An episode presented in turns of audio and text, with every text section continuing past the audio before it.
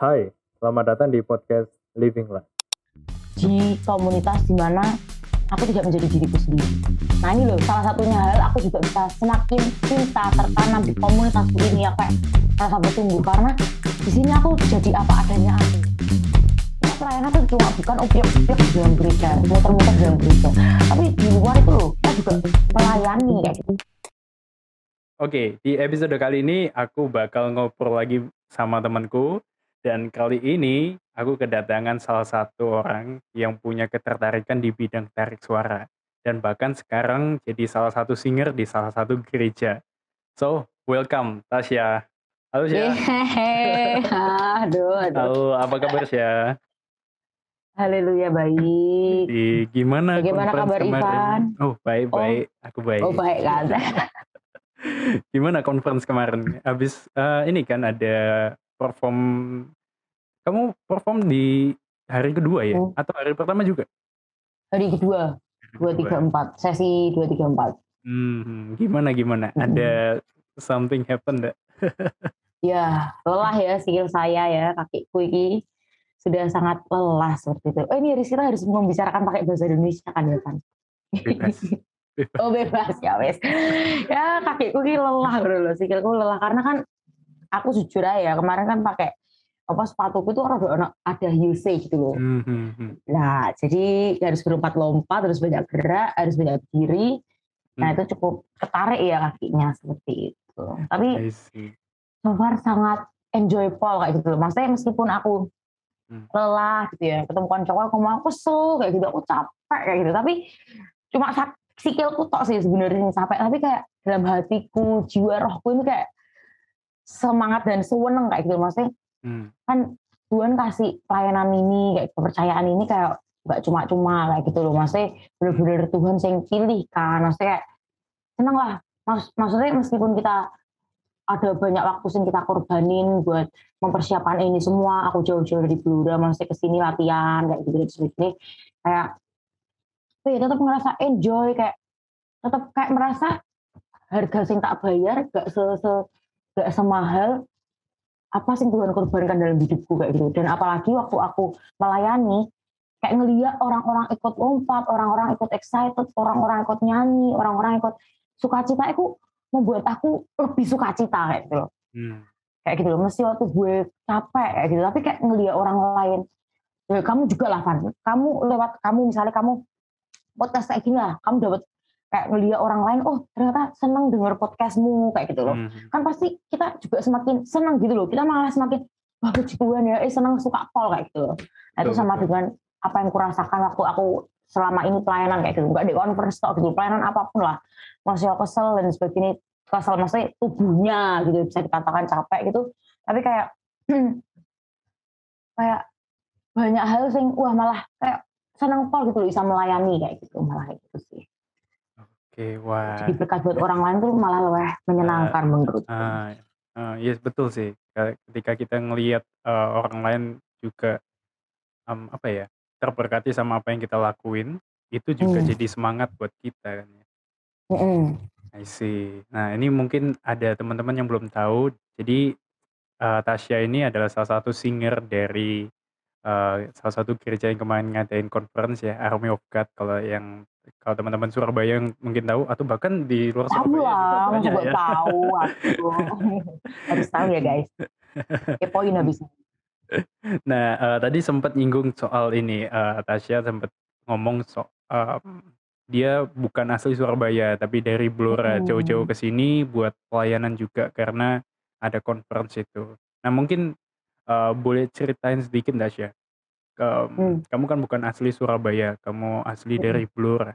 Nah, Mm-mm. terus gimana ceritanya kamu bisa sampai Surabaya, bahkan kamu juga sampai tertanam di salah satu gereja di Surabaya. Hmm. Itu gimana Nah. ceritanya sih?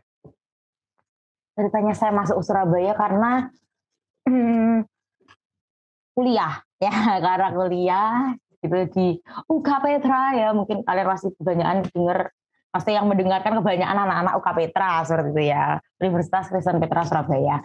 Nah jadi aku ya kuliah di situ terus juga kan pasti juga mencari gereja kan, mencari komunitas kayak gitu ya.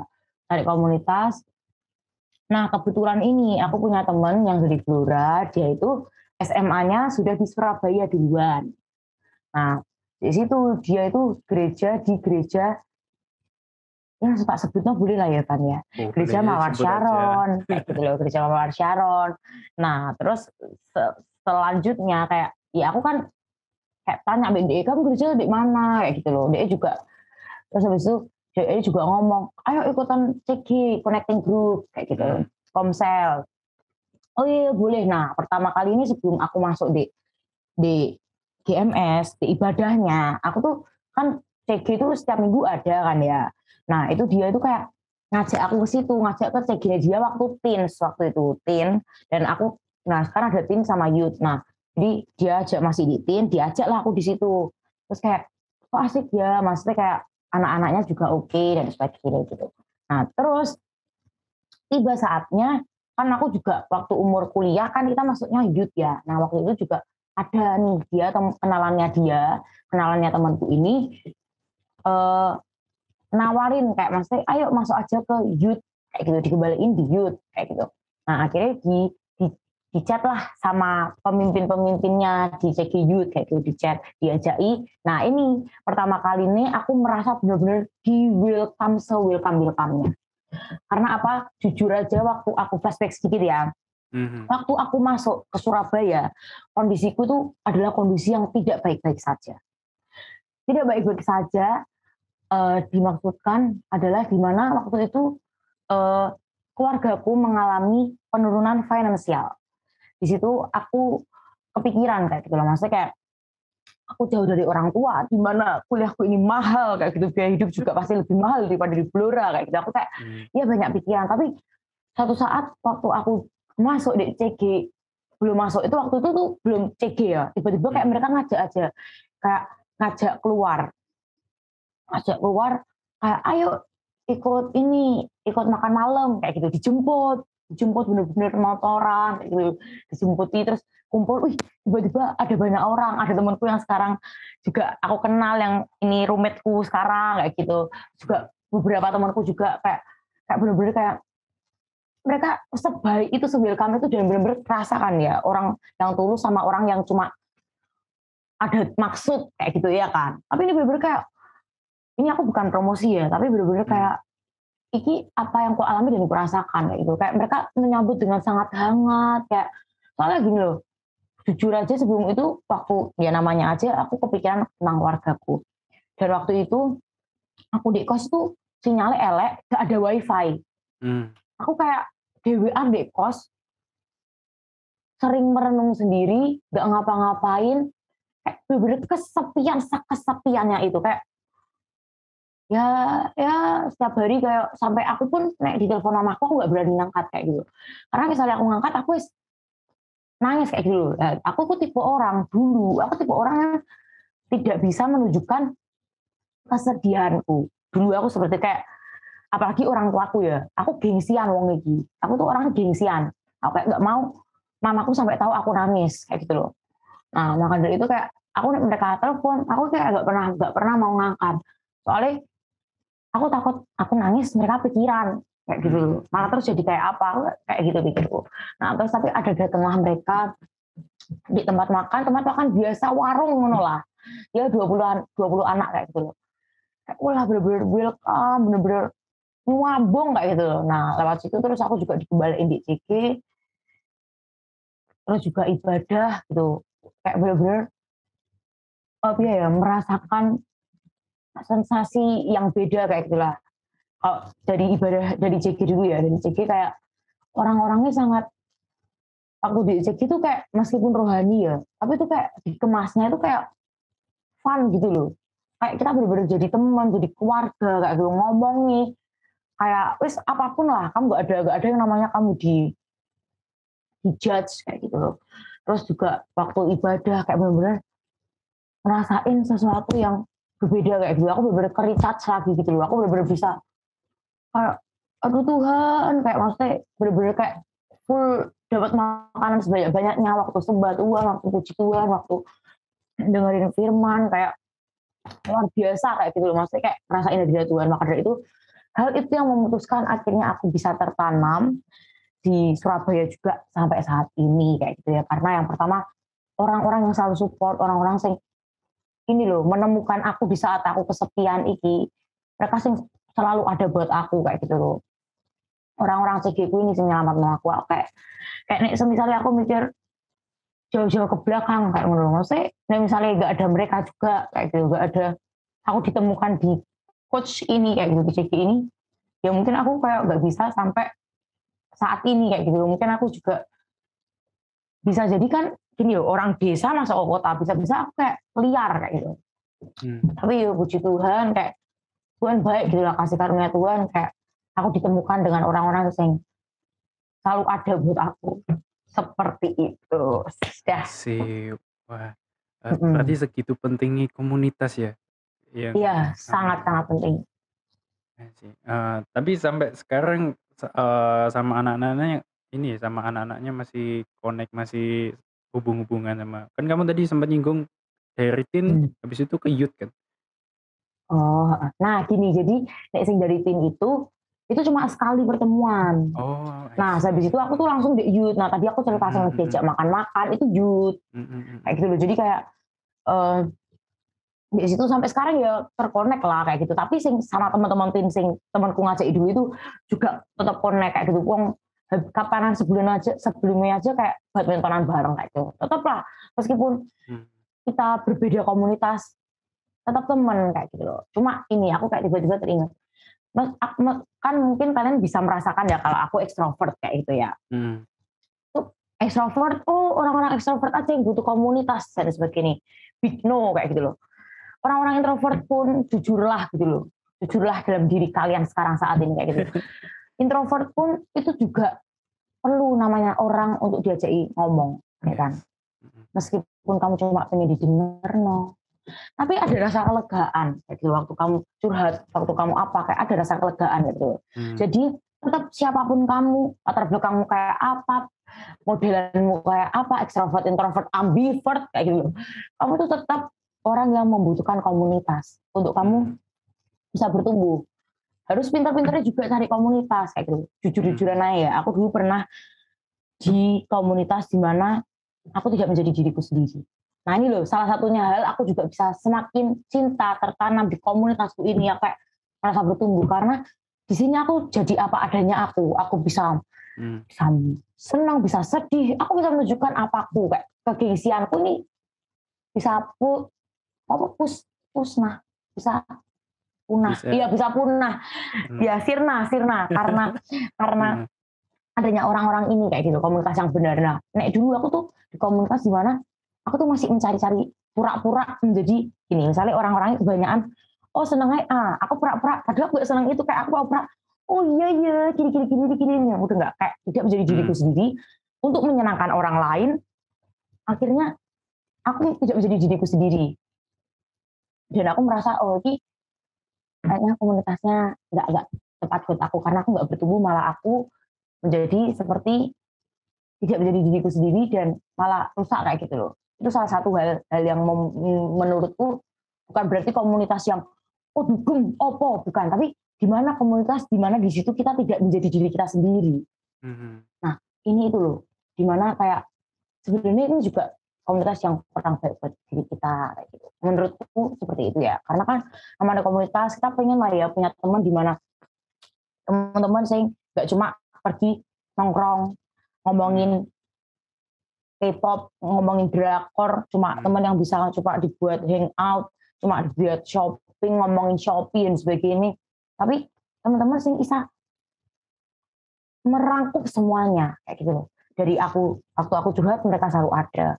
Waktu aku seneng mereka selalu ada. Waktu diajak nge-mall mereka selalu ada. Waktu diajak uh, aku kesepian tak telepon sampai malam meskipun diem-diem mantap di dalam telepon mereka selalu ada gitu. Hmm. jadi kayak itulah namanya komunitas sejati sesungguhnya tuh kayak itu bagiku. Seperti itu. Nah uh, menarik banget sih. Aku setuju karena aku juga seorang introvert ya dalam arti awalnya juga aku ngerasa um, aku bisa sendiri semuanya kayak eh, lebih nyaman sendiri kan katanya introvert itu uh, kalau recharge itu ya ngambil waktu sendiri gitu ya. Memang benar memang benar, tapi juga di satu sisi kalau tadi kamu sempet nyinggung, kalau mau jujur-jujuran juga butuh orang lain.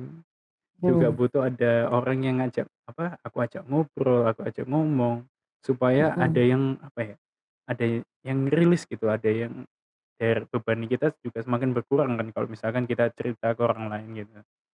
I Mhm, bener. see. Wah, ya anu ya, komunitas itu segitu pentingnya ternyata. Nah tapi, mmm, kan kamu ini juga yang aku tahu se kamu sekarang adalah seorang singer di salah satu di Mmm. Gereja Mawar Sharon ini, dan kamu Mhm. juga, eee, tertanam di komunitas itu, Mhm. Gimana peran komunitas ini, Syah, dalam hal, eee, apakah mereka juga mendukung kamu buat, eee, jadi sampai sekarang jadi singer? Atau emang dulunya kamu itu punya kemauan sendiri, i aku mau melayani sebagai singer gitu, atau Mmm. Itu dorongan dari teman-temanmu juga? Kadang itu kan ada ya Iya, dijorokin gitu, di ada di "Ayolah ayo kamulah," kayak gitu kan, iya. Apalagi nek misalnya pelayanan sing ininya kurang orang kayak gitu, "Ayo ayo Nah. masuk masuk masuk," kayak gitu. Nah itu gimana, Syah? Nek aku ya, Mmm. ya karena dari dulu juga aku suka bernyanyi seperti gitu ya, Mmm. maksudnya aku hobi nyanyi dan sebelum masuk di gereja yang sekarang, Mawar Sharon, aku juga pernah gitu pelayanan di gereja sebelumnya juga jadi singer gitu. Mmm. Nah, jadi ya kalau diomongin mau, mau kayak gitu loh. Lah tadi ngomong-ngomong tentang orang di mau kayak gini, mau untuk mau untuk pelayanan di singer tersebut, itu dari dimulai dari aku. Nah, tapi tadi kamu kan ngomong, kan ada orang-orang sih itu yang dijorokin kayak gitu. Mmm. Tapi orang-orang yang dijorokin itu, pada akhirnya kan dia tetap bisa memilih, apakah Mhm. aku tetap mau, apakah aku enggak, enggak mau, kayak gitu. Kan itu pilihannya kita sendiri kayak gitu loh. Yes.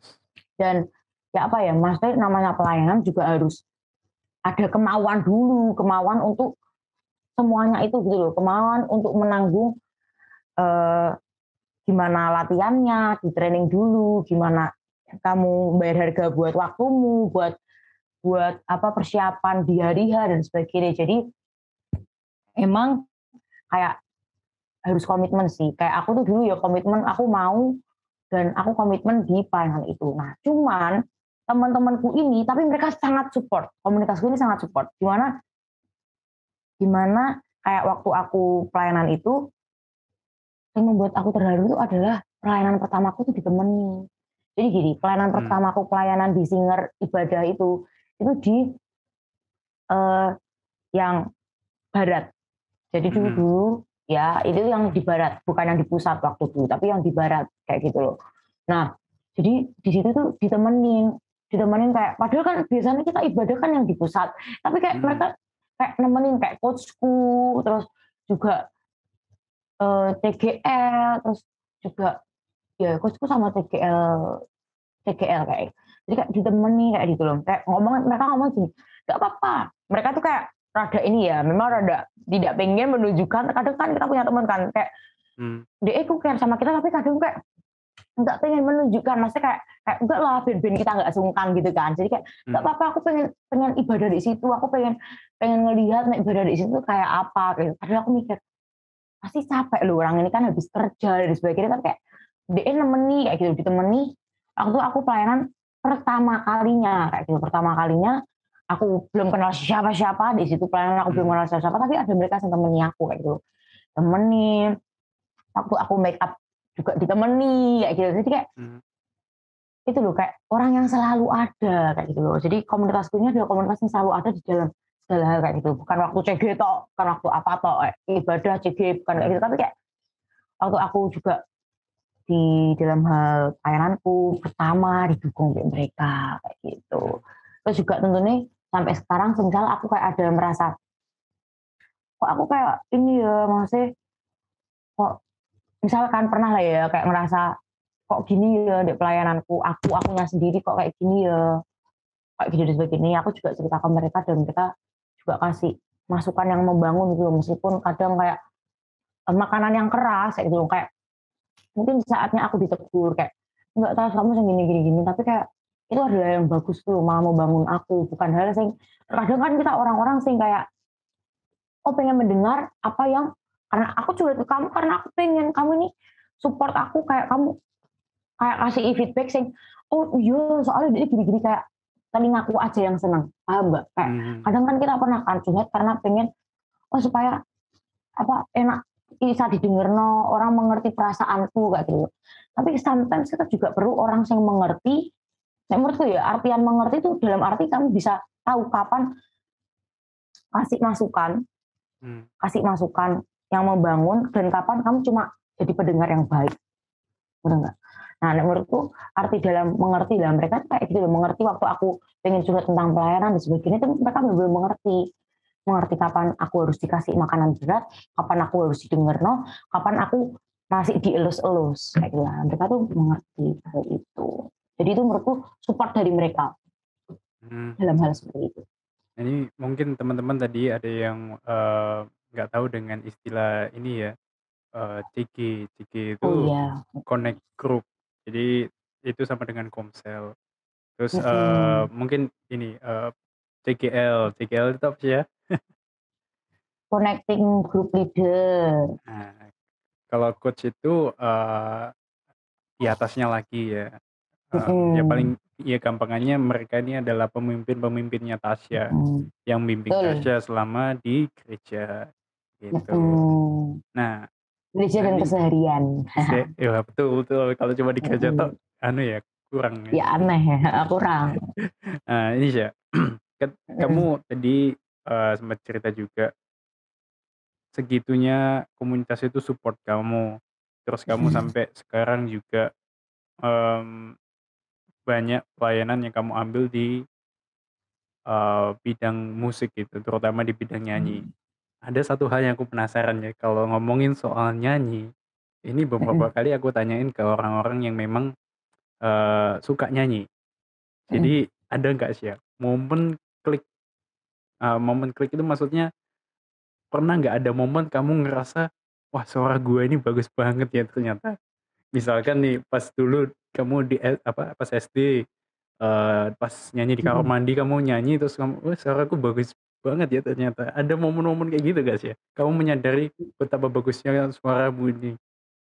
Nah, anehnya aku, aku tidak. Jadi gini, lucunya aku adalah karena aku punya suara yang agak-agak aneh gitu ya. Hmm, aneh gimana? Aku dulu, dulu tuh minder dengan suaraku. Hmm. Kayak waktu aku kan sering kan kalau warga punya nyanyi bareng gitu.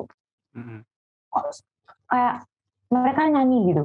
Aku melok nyanyi waktu masih kecil ini waktu TK ESD SD kayak kok suara aku beda maksudnya kayak mereka ngambil misalnya kan aku alto ya alto terus hmm. ada, ada sometimes serai gitu loh hmm. ya kayak ada maksudnya warna suaranya beda gitu ada di mereka terus kayak aku kayak aku nyoba nyanyi loh suara kok aneh kok kok elek suaraku? Aku mikir kayak gitu suaraku elek. Soalnya nggak nggak pada umumnya. Nah ini loh kadang standarisasi dunia ini yang membuat kita minder. Padahal kalau misalnya kita uh, grow kita nujuin apa adanya diri kita itu malah hal yang sangat wow kok kamu beda dari yang lain ya? Kayak maksudnya kayak barang limited edition kayak gitu. Jadi kayak nah tapi dulu waktu kecil aku nggak tahu hal itu kan karena ada standarisasi kayak Ih, suara yang halus suara yang gini kan suara aku kayak gak halus ya maksudnya kayak yang halus kayak nek misalnya kalian tahu suara hmm, eh, tipe-tipe warna suara kayak halus tuh suara yang kayak contohnya siapa ya? sebut deh? Kalau apa hmm, artis uh, siapa sebut? Apa ya suara-suara halus? Kita gutawa kayak gitu. Hmm, hmm. kayak gitu gitulah dulu kan ngetren ya kita gutawa kayak gitu loh. Nah terus kayak aku kayak lu suara aku kok begini waktu aku nyanyi nah sempat waktu itu akhirnya meminder. Minder dalam artian padahal diajuk lomba waktu SD gitu. Tapi kayak kok mau? Ya akhirnya mau akhirnya ikut lomba. Cuma karena aku minder aku nggak bisa kasih yang terbaik. Artinya aku kayak setengah-setengah. Latihannya setengah-setengah. Terus uh, juga waktu tampil juga nervous karena minder kayak nervous kayak jadi dia gak bisa kasih yang terbaik gitu loh kan kayak uh, takut terlalu karena takut terlalu jadi gak pede dengan suaranya yang tak miliki kayak gitu tapi semakin aku mengenal suaraku ya, waktu aku jujur aku baru merasa suaraku bagus itu waktu aku SMA. Kayak gitu. Soal ya waktu aku SMA, karena juga ada orang yang akhirnya kayak kasih uh, feedback positif kayak suaramu bagus loh, suaramu ini kayak penyanyi asli ya loh, gitu kan waktu aku lomba. Nah jadi kayak wah ternyata suara aku bagus, aku baru baru, baru sadar waktu aku SMA kayak gitu, gitu sih. Ya seperti itu kan. Hmm. Oke. Nah ini, uh, tadi apa, sampai ada keluargamu juga yang kamu bilang ini ya, uh, sempat nggak apa, ngarahin kamu ikut lomba dan sebagainya macamnya. Terus keluargamu juga semua itu benar-benar punya background musik? Dari papa, mama, semua adik adikmu itu? Iya, adik-adik. Oh, emang, uh, tarik suara semua, nyanyi atau ada yang gitar atau Oh, uh, bisa musik dan bisa nyanyi. Semuanya bisa nyanyi. Mhm. Uh, terus juga semuanya nggak semuanya. Mama mama nggak mama dulu katanya sempat bisa, tapi kayaknya sekarang sudah lupa. Dulu katanya bisa gitar, tapi sekarang hmm. tak lihat kok kayaknya nggak bisa gitu loh. Nah, terus habis itu nek adikku lagi mempelajari gitar kayak gitu. Hmm. Nek oh, nek kokoku drum, saxophone kayak gitu. Terus juga lagi mempelajari piano. Nek papaku bisa gitar dan piano dan menyanyi. Hmm. Nek aku ya seperti itulah. Ya, Wah, ini emang keluarga musik berarti. Nah, nah ini ya. nah aku penasaran kenapa kamu milih nyanyi? Maksudnya kenapa dari sekian banyak uh, alat musik yang kamu bisa pelajari sebenarnya, kenapa uh, nyanyi ini akhirnya jadi salah satu yang kamu tekuni sampai sekarang? Karena, uh, lingkungan yang membuatku akhirnya kayak, ya nyanyi kayak gitu. Karena kan nggak kan juga paling paling bisa aku dinyanyi kayak gitu loh. Nek ngomongin tentang musik ya, aku paling bisa dinyanyi. Jadi kayak juga sering diajuk suruh nyanyi, ikut lomba, pelayanan, juga dalam hal nyanyi. Maka dari itu mau nggak mau dan yang pasti dan pasti sampai sekarang pun aku menggeluti dunia vokal kayak gitu. Hmm, oke. Nah, ya kalau gitu bisa dibilang ini ya, um, kamu punya talenta di bidang nyanyi gitu. Hmm. Dan boleh tahu nggak kapan kamu mulai benar-benar uh, kan kamu tadi ngomong dulu ngerasa ini ya, uh, kamu nggak pede sama suaramu, kamu minder. Kapan momen di mana kamu ngerasa mulai percaya diri sama suaramu ini? uh, apakah yang tadi di SMA itu atau mm-hmm. sejak kuliah yang di sama ketemu komunitas uh, momen momen percaya dirinya itu pas kapan? Momen percaya diriku pertama kali ya hmm. ya waktu SMA itu. Waktu SMA yang tadi itu ya, yang sempat uh, dipuji sama temenmu itu.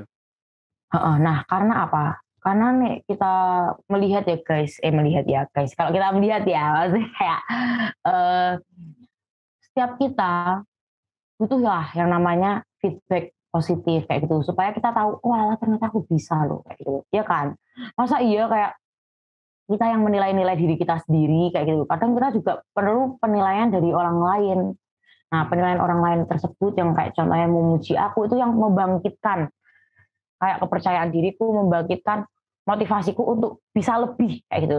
Hmm. Kayak gitu. Jadi kayak ya apa itu yang membuatku ya seperti itulah masih bangkit percaya diriku karena ada orang-orang lain yang terus yang juga percaya bukan, kamu bisa gitu ya. Iya benar, yang juga kasih kepercayaan ke aku hmm. dalam hal tersebut kayak gitu loh. Jadi kan membuat aku oh berarti aku bisa ya kayak gitu juga itu juga salah satunya. Gitu. Hmm. Nah, aku itu percaya ya, kalau semua hmm. orang itu sebenarnya punya talenta atau punya keahlian lah. Paling enggak itu ada satu, tapi kadang itu kan uh, kita itu mungkin nggak menyadari. Kadang mungkin kita juga uh, mungkin ada orang-orang yang sama seperti kamu sekarang itu ya, yang masih minder sama kemampuannya, nggak menyadari kalau dia itu punya talenta yang luar biasa. Tapi karena dia minder, karena mungkin eee, dia compare dirinya sama orang lain, akhirnya Mhm. talenta itu ya, apa, kependem, nggak nggak nggak berkembang. Nah, kalau Mhm. kamu ngelihat kalau kamu sendiri ngelihat talenta itu seperti apa? Dalam arti, eee, caramu buat keluar, caramu buat ngembangin akhirnya bisa bertumbuh segini sampai se sekarang gini, itu, eee, prosesnya gimana sih? Prosesnya gimana aku bisa bertumbuh dalam Ngembangin talentaku ya, mhm. mengembangkan talenta. Yang pertama, kuncinya cuma satu sih, jangan membandingkan dengan apa yang orang lain punya. Membandingkan kayak misalnya gini, nek misalnya kamu membandingkan, "Oh, teknisnya eh, tekniknya dia bagus ya," kan dalam hal vokal ya, "tekniknya Mmm. dia bagus ya," kayak gitu. Ya bandingkanlah untuk kamu mengambil, "Oh, berarti aku juga bisa kayak gitu." Bukan kayak membandingkan kayak tadi kan aku yang pertama aku membandingkan dalam hal warna suaraku, ya kan, Mmm. kayak gitu. Kayak, "Oh gini kok dia bisa bagus ya," dan sebagainya. Tapi jangan fokus ke ke orang lain kayak gitu loh, jangan fokus dengan hasilnya orang lain, tapi maksudnya kamu bisa ngelihat dari orang lain itu kayak apa sih yang bisa kamu ambil. Bukan yang dipaksa untuk kamu ambil. Nek dipaksa untuk kamu ambil misalnya kayak contohnya warna suara, terus kamu masa nek misalnya ada operasi warna suara ya, masa kamu mau mau operasi warna suara untuk seperti dia, kan ya mustahil kayak gitu loh. Jadi kayak menurutku ya, apa yang bisa diambil dari dia, bukan dibandingkan, tapi kayak dipelajari. Jadi kamu misalnya kamu lihat orang lain itu jangan membandingkan, "Kok dia lebih gini kok dia lebih gini," tapi kayak, "Kok dia bisa ya kayak gitu, berarti aku juga bisa." Maksudnya bisa dengan caraku sendiri, bisa dengan keunikanku sendiri, kayak gitu loh. Karena kalau kalau misalnya kayak dari dulu terus aku kayak saling bandingin dengan warna suaranya orang lain kok lebih lebih unik dan sebagainya, kayak ya aku nggak bakal bisa bertumbuh lah, kayak gitu loh. Karena Mmm. Nggak aku nggak nggak bakal ada ujungnya, kayak gitu. Mhm. Kalau kamu bandingin, kalau kita ya, dalam hal apa pun lah, kita banding-bandingin hidup kita dengan orang lain, itu nggak bakal ada ujungnya. Pasti akan selalu ada yang lebih bagus, ada yang selalu lebih di atasnya kita, kayak gitu. Bumi itu berputar, kayak gitu. Pasti akan selalu seperti itu, nggak ada ujungnya. Jadi kayak ya, be yourself, kayak gitu loh. Jadilah dirimu sendiri, yang ada padamu, ya kembanginlah itu, kayak gitu loh. Dalam segala hal kamu bisa kembangin itu, kayak gitu. Dalam segala kamu kan bisa belajar lewat YouTube, lewat mungkin ya artis yang role modelmu atau sebagainya dan sebagainya, kayak kamu bisa mengembangkan lewat itu, tapi dengan keunikanmu sendiri. Daripada kita jadi barang KW. Nek misalnya kita, eee, ngelihat ke orang lain loh, kita mau niru orang lain, ibaratnya kan kita jadi barang KW. Mmm. Kalau kita ngomong-ngomongin barang KW, apakah sekarang barang KW adalah barang yang paling diidam-idamkan? Tidak kan, semua orang kan pasti pengen menjadi ori. Nah, ya itu jadilah dirimu sendiri supaya kamu jadi barang yang mahal gitu loh. Jadi original, jadi barang yang limited kayak gitu loh. Jadi kayak jadilah dirimu sendiri gitu lah, itu lebih bagus daripada kamu ngikut-ngikut orang lain jadi barang KW, kayak gitu. Wah, seru, eee, aku setuju sih dengan ini. I Mhm. mean kayak, mmm, terkadang itu orang itu ketika compare, ketika membandingkan dirinya dengan orang lain, itu malah justru dia, eee, memposisikan dirinya di belakang orang itu kan. Karena Mhm. apa pun itu kamu meniru dia. Well, bukan berarti meniru nggak baik, meniru juga boleh, tapi ya itu, e eee, bener katamu tadi, ketika kita melihat orang lain, kita niru, kita juga harus ngembalikin ke diri kita, apakah itu sesuai apa enggak. Yang mungkin Mmm. bisa sesuai dengan kita, kita adjust itu, kita coba kembangin dengan caranya kita sendiri, supaya itu bisa jadi, eee, versinya kita gitu kan, bisa jadi Mmm. ori itu tadi ya. Karena setiap dari Mhm. kita kan diciptakan unik ya, Sya, betul ya? Mhm, Kita punya mhm. keunikan sendiri-sendiri, kita punya, eee, kemampuan yang mungkin sama-sama bisa nyanyi, tapi kalau orang dengerin si A sama si B, itu bisa beda feel-nya, bener ya? Kalau nyanyi gitu ada gitunya ya? Mhm. I Bener. see. Alright, nah ini menarik ini. Nah, eee, kalau aku jadi penasaran soal ini, Sya. Misalkan nih, misalkan aku tuh pengen banget, eee, pelayanan di dunia musik gitu, terutama praise and worship Mmm. kayak kamu. Tapi mungkin aku nggak punya background, eee, musik yang eee, misalkan di keluargaku juga nggak ada yang musik, tapi kalau soal nyanyi ya ya bisa nyanyi, ya gitar juga Hmm. ya bisa sedikit-sedikit lah beberapa kunci gitu. Nah, Mhm. eee, gimana caranya supaya bisa, eee masuk ke dalam pelayanan praise and praise and worship kayak kamu? Hmm. Kalau pelayanan ya, yang dicari itu bukan orang-orang sing kamu mampu. Kalau diomongin mampu, semua orang itu nggak mampu. Kalau diomongin mampu, setiap orang itu tidak bisa me menggapai ekspektasinya orang-orang, siapa pun itu apa yang kita lakuin sejago kamu, ya pasti ada nggak nggak sempurna itu. Jadi pelayanan kalau mau masuk di pelayanan apa pun itulah, di bakatmu nanti kamu pengen ambil pelayanan di situ. Jangan jangan ambil karena kamu merasa aku mampu kok.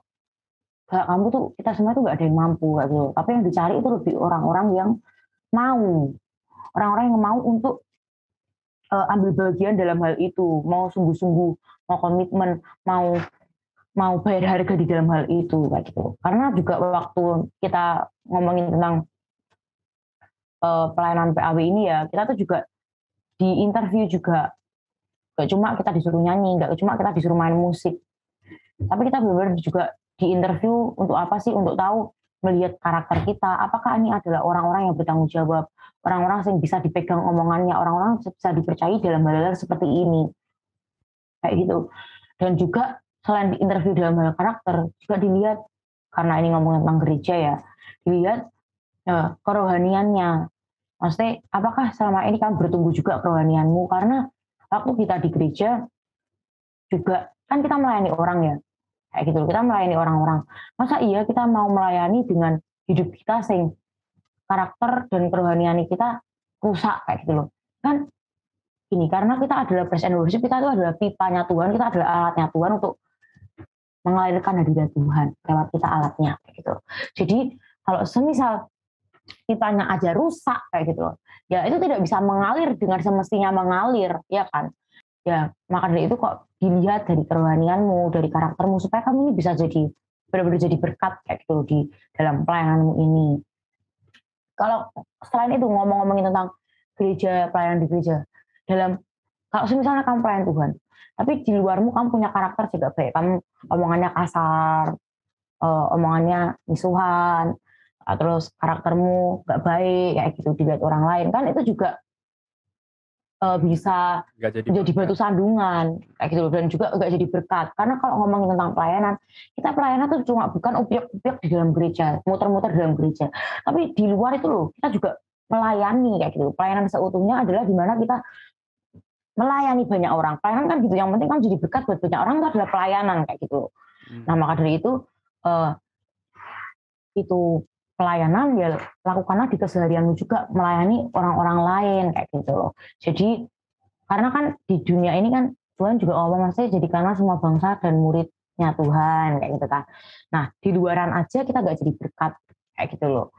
Ya sia-sialah lah pelayananmu selama ini di gereja. Maksudnya ya balance lah, lah antara kamu keseharianmu sama upik-upikmu di dalam gereja kayak gitu. Jadi ya kuncinya kalau kamu emang mau kita semua ya di sini pengen pelayanan, pengen ambil bagian dari pelayanan ini, Tuhan seneng lah kalau kamu pengen, kamu mau pelayanan kayak gitu. Tapi kunci yang terutama adalah mau nggak kamu ini dipakai Tuhan sungguh-sungguh di dalam uh, ambil waktumu, uh, bayar hargamu dan sebagainya, latihannya, dan juga keseharianmu di luar sana loh. Kamu tuh dilihat orang, kamu jadi berkat gak di luar sana kayak gitu. Oh, I see. Karena kalau ngomongin tentang skill ya, Hmm. mampu apa nggak mampu, tenang aja karena waktu kamu udah keterima, kamu tetap diajari kok. Hmm. Ada masa trainingnya, gitu. Ada Hmm. masa trainingnya, ada masa masa juga nggak nggak mesti waktu training tok kamu belajar, tapi dalam waktu kamu eh, pelayanan hari H, latihan-latihan kan kamu juga belajar dari orang lain kan, kasih Hmm. masukan dan sebagainya gitu. Ya tahu. Oke, nah berarti semuanya itu tergantung dari kita, tergantung dari kemauannya kita, komitmennya kita ketika kita mau ambil pelayanan itu kayak gimana. Kan soalnya eh, nanti juga ketika kita ketemu orang-orang di sana yang punya ketertarikan yang sama, punya tujuan yang sama juga, pelan-pelan kan kita juga dibentuk ya. Betul ya, Syah? Mm-mm. Benar. Hmm. Nah, kamu pernah nggak ngerasa apa, ada problemnya nggak? Kan tadi kita sempet cerita, eee, oke kamu melayani, kamu manggung, eee, di depan banyak orang dan sebagai macamnya, tapi ketika jadi praise and worship, ketika kamu melayani di depan panggung itu, apakah ada, mmm, ada masalah atau ada tantangan tersendiri yang bakal dihadapi nanti? Jadi tantangannya itu adalah, eee, ya kita jaga hati sih, harus jaga hati soalnya ya pasti ya ngelihat lah ya realita nek misalnya kit kita ya ngelihat kayak orang sing di on stage dengan lighting yang menggelegar, panggung yang luar biasa, dengan sound system yang jedar-jedur gitu ya. Maksudnya kayak itu, eee, membuat orang kalau kamu ngelihat orang di dalam on stage, kita lah, aku ngelihat orang di di atas on stage on stage gitu, pasti kayak, "Ih kok keren ya orang ini ya," gitu kan. Mmm. "Kok bisa sih kayak gitu, aku ya pengen," kayak gitu. "Kok keren bisa pelayanan di di panggung dan sebagainya." Nah, hal-hal seperti itu loh, karena kan pasti kan juga ada orang-orang yang muji-muji. Nah ini loh kadang kalau misalnya kita terlalu banyak dipuji, kita nih terlalu banyak dipuji, terlalu pengen dipuji, ini yang membuat kita jadi orang yang sombong, maksudnya bisa tinggi hati lah, tinggi hati itu sombong tuh, heeh. Mhm mhm. Ya bisa tinggi hati lah, jadi kayak harusnya kan kita tetap halangan terbesar adalah kita harus rendah hati karena juga ini adalah pelayanan gitu loh, maksudnya ya nggak nggak pelayanan tok, di mana pun lah kamu dipakai Tuhan berada kayak gitu ya. Di mana pun kamu di sana dibawa Tuhan di mana, ya tantangannya adalah jaga hati. Jadi nek di PKW menurutku tantangan terbesar adalah jaga hati, karena kan pasti banyak orang-orang, "Kok keren dan sebagainya," kayak gitu. Jaga hati adalah yang penting supaya kita tetap rendah hati, kayak gitu. Tetap jadi kita waktu pertama kamu mulai pelayanan itu loh, hatimu tetap sama nggak kayak gitu, hati yang tetap rendah hati dan hati yang benar-benar mengutamakan Tuhan di atas segalanya, tetap memuliakan Tuhan lewat hidupmu nggak, kayak gitu. Jadi Mmm. masalah terbesar maksudnya tantangan adalah jaga hati gitu, biar kamu nggak tetap rendah hati, gitu aja sih. I see, iya. Mhm. Wah. Keren sih, eee, aku tuh jadi keinget ini, salah satu quotes dari, eee, Sydney Moide, ya salah satu penyanyi juga di Mhm. di PCC ya, dia pernah bilang gini, eee, "We Mhm. cannot truly accomplish greatness unless we lose all interest in being great." Maksud dari perkataan itu tuh, salah satu hal yang penting dan paling sederhana yang dapat kita lakukan supaya kita itu tetap membumi ya, istilahnya membumi, tetap rendah hati, itu adalah Mhm. dengan kita ada berada di tengah-tengah orang-orang yang mengasihi kita sebagai seorang pribadi. Bukan Mmm. karena bakat atau talenta atau talenta kita. Mhm. Aku rasa itu salah satu, eee, hal yang aku dapat dari sharing-mu tadi, kamu, Mhm. eee, ada dalam komunitas yang baik, kamu nemuin komunitas yang kamu ngerasa kamu di-welcome. Terus habis itu di satu sisi, mereka juga bantu kamu buat ngembangin talentamu, nge-push kamu supaya kamu menjadi versi terbaikmu. Sampai akhirnya kamu bisa pelayanan, eee, menjadi singer, kamu kemarin di conference juga dikasih kesempatan buat melayani di, eee, sesi keempat ya, sesi keempat dan Mmm. aku rasa perjalanan ini tuh kayak luar biasa gitu ya, gimana tu Tuhan itu nempatin orang-orang di sekitar kita itu kadang nggak terduga, tapi, Iya. eee pelan-pelan ngebentuk kita jadi pribadi yang baik gitu. Dan bener ya tadi aku sempet, eee, inget juga dan aku setuju dengan, eee, perkataanmu di mana jangan sampai kita jadi batu sandungan orang lain ya, dalam arti kita pelayanan, tapi kita dalam kehidupan sehari-hari itu nggak nunjukin, eee, buah yang seharusnya kita hasilkan. Karena Mhm. kalau ngomongin pelayanan itu kan fokusnya itu kepada orang lain ya. Kita bu kita bu eee, berusaha menjadi alatnya Tuhan, supaya orang lain itu bisa merasakan perubahan gitu.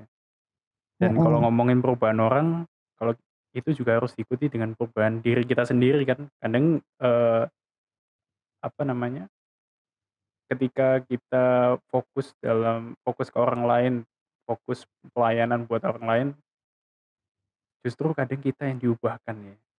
Justru Mhm. kita yang uh, Tuhan pakai uh, jadi yang sebelumnya mungkin nggak bisa ini jadi bisa itu gitu.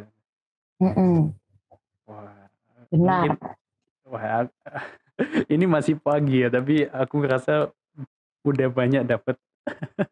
Ini hari Minggu lagi. holy holy.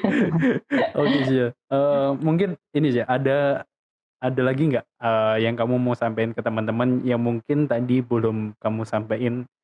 Uh, ada pesan nggak buat teman-teman sebelum Hmm. kita mengakhiri? Apa ya? Ya satu satu hal lah.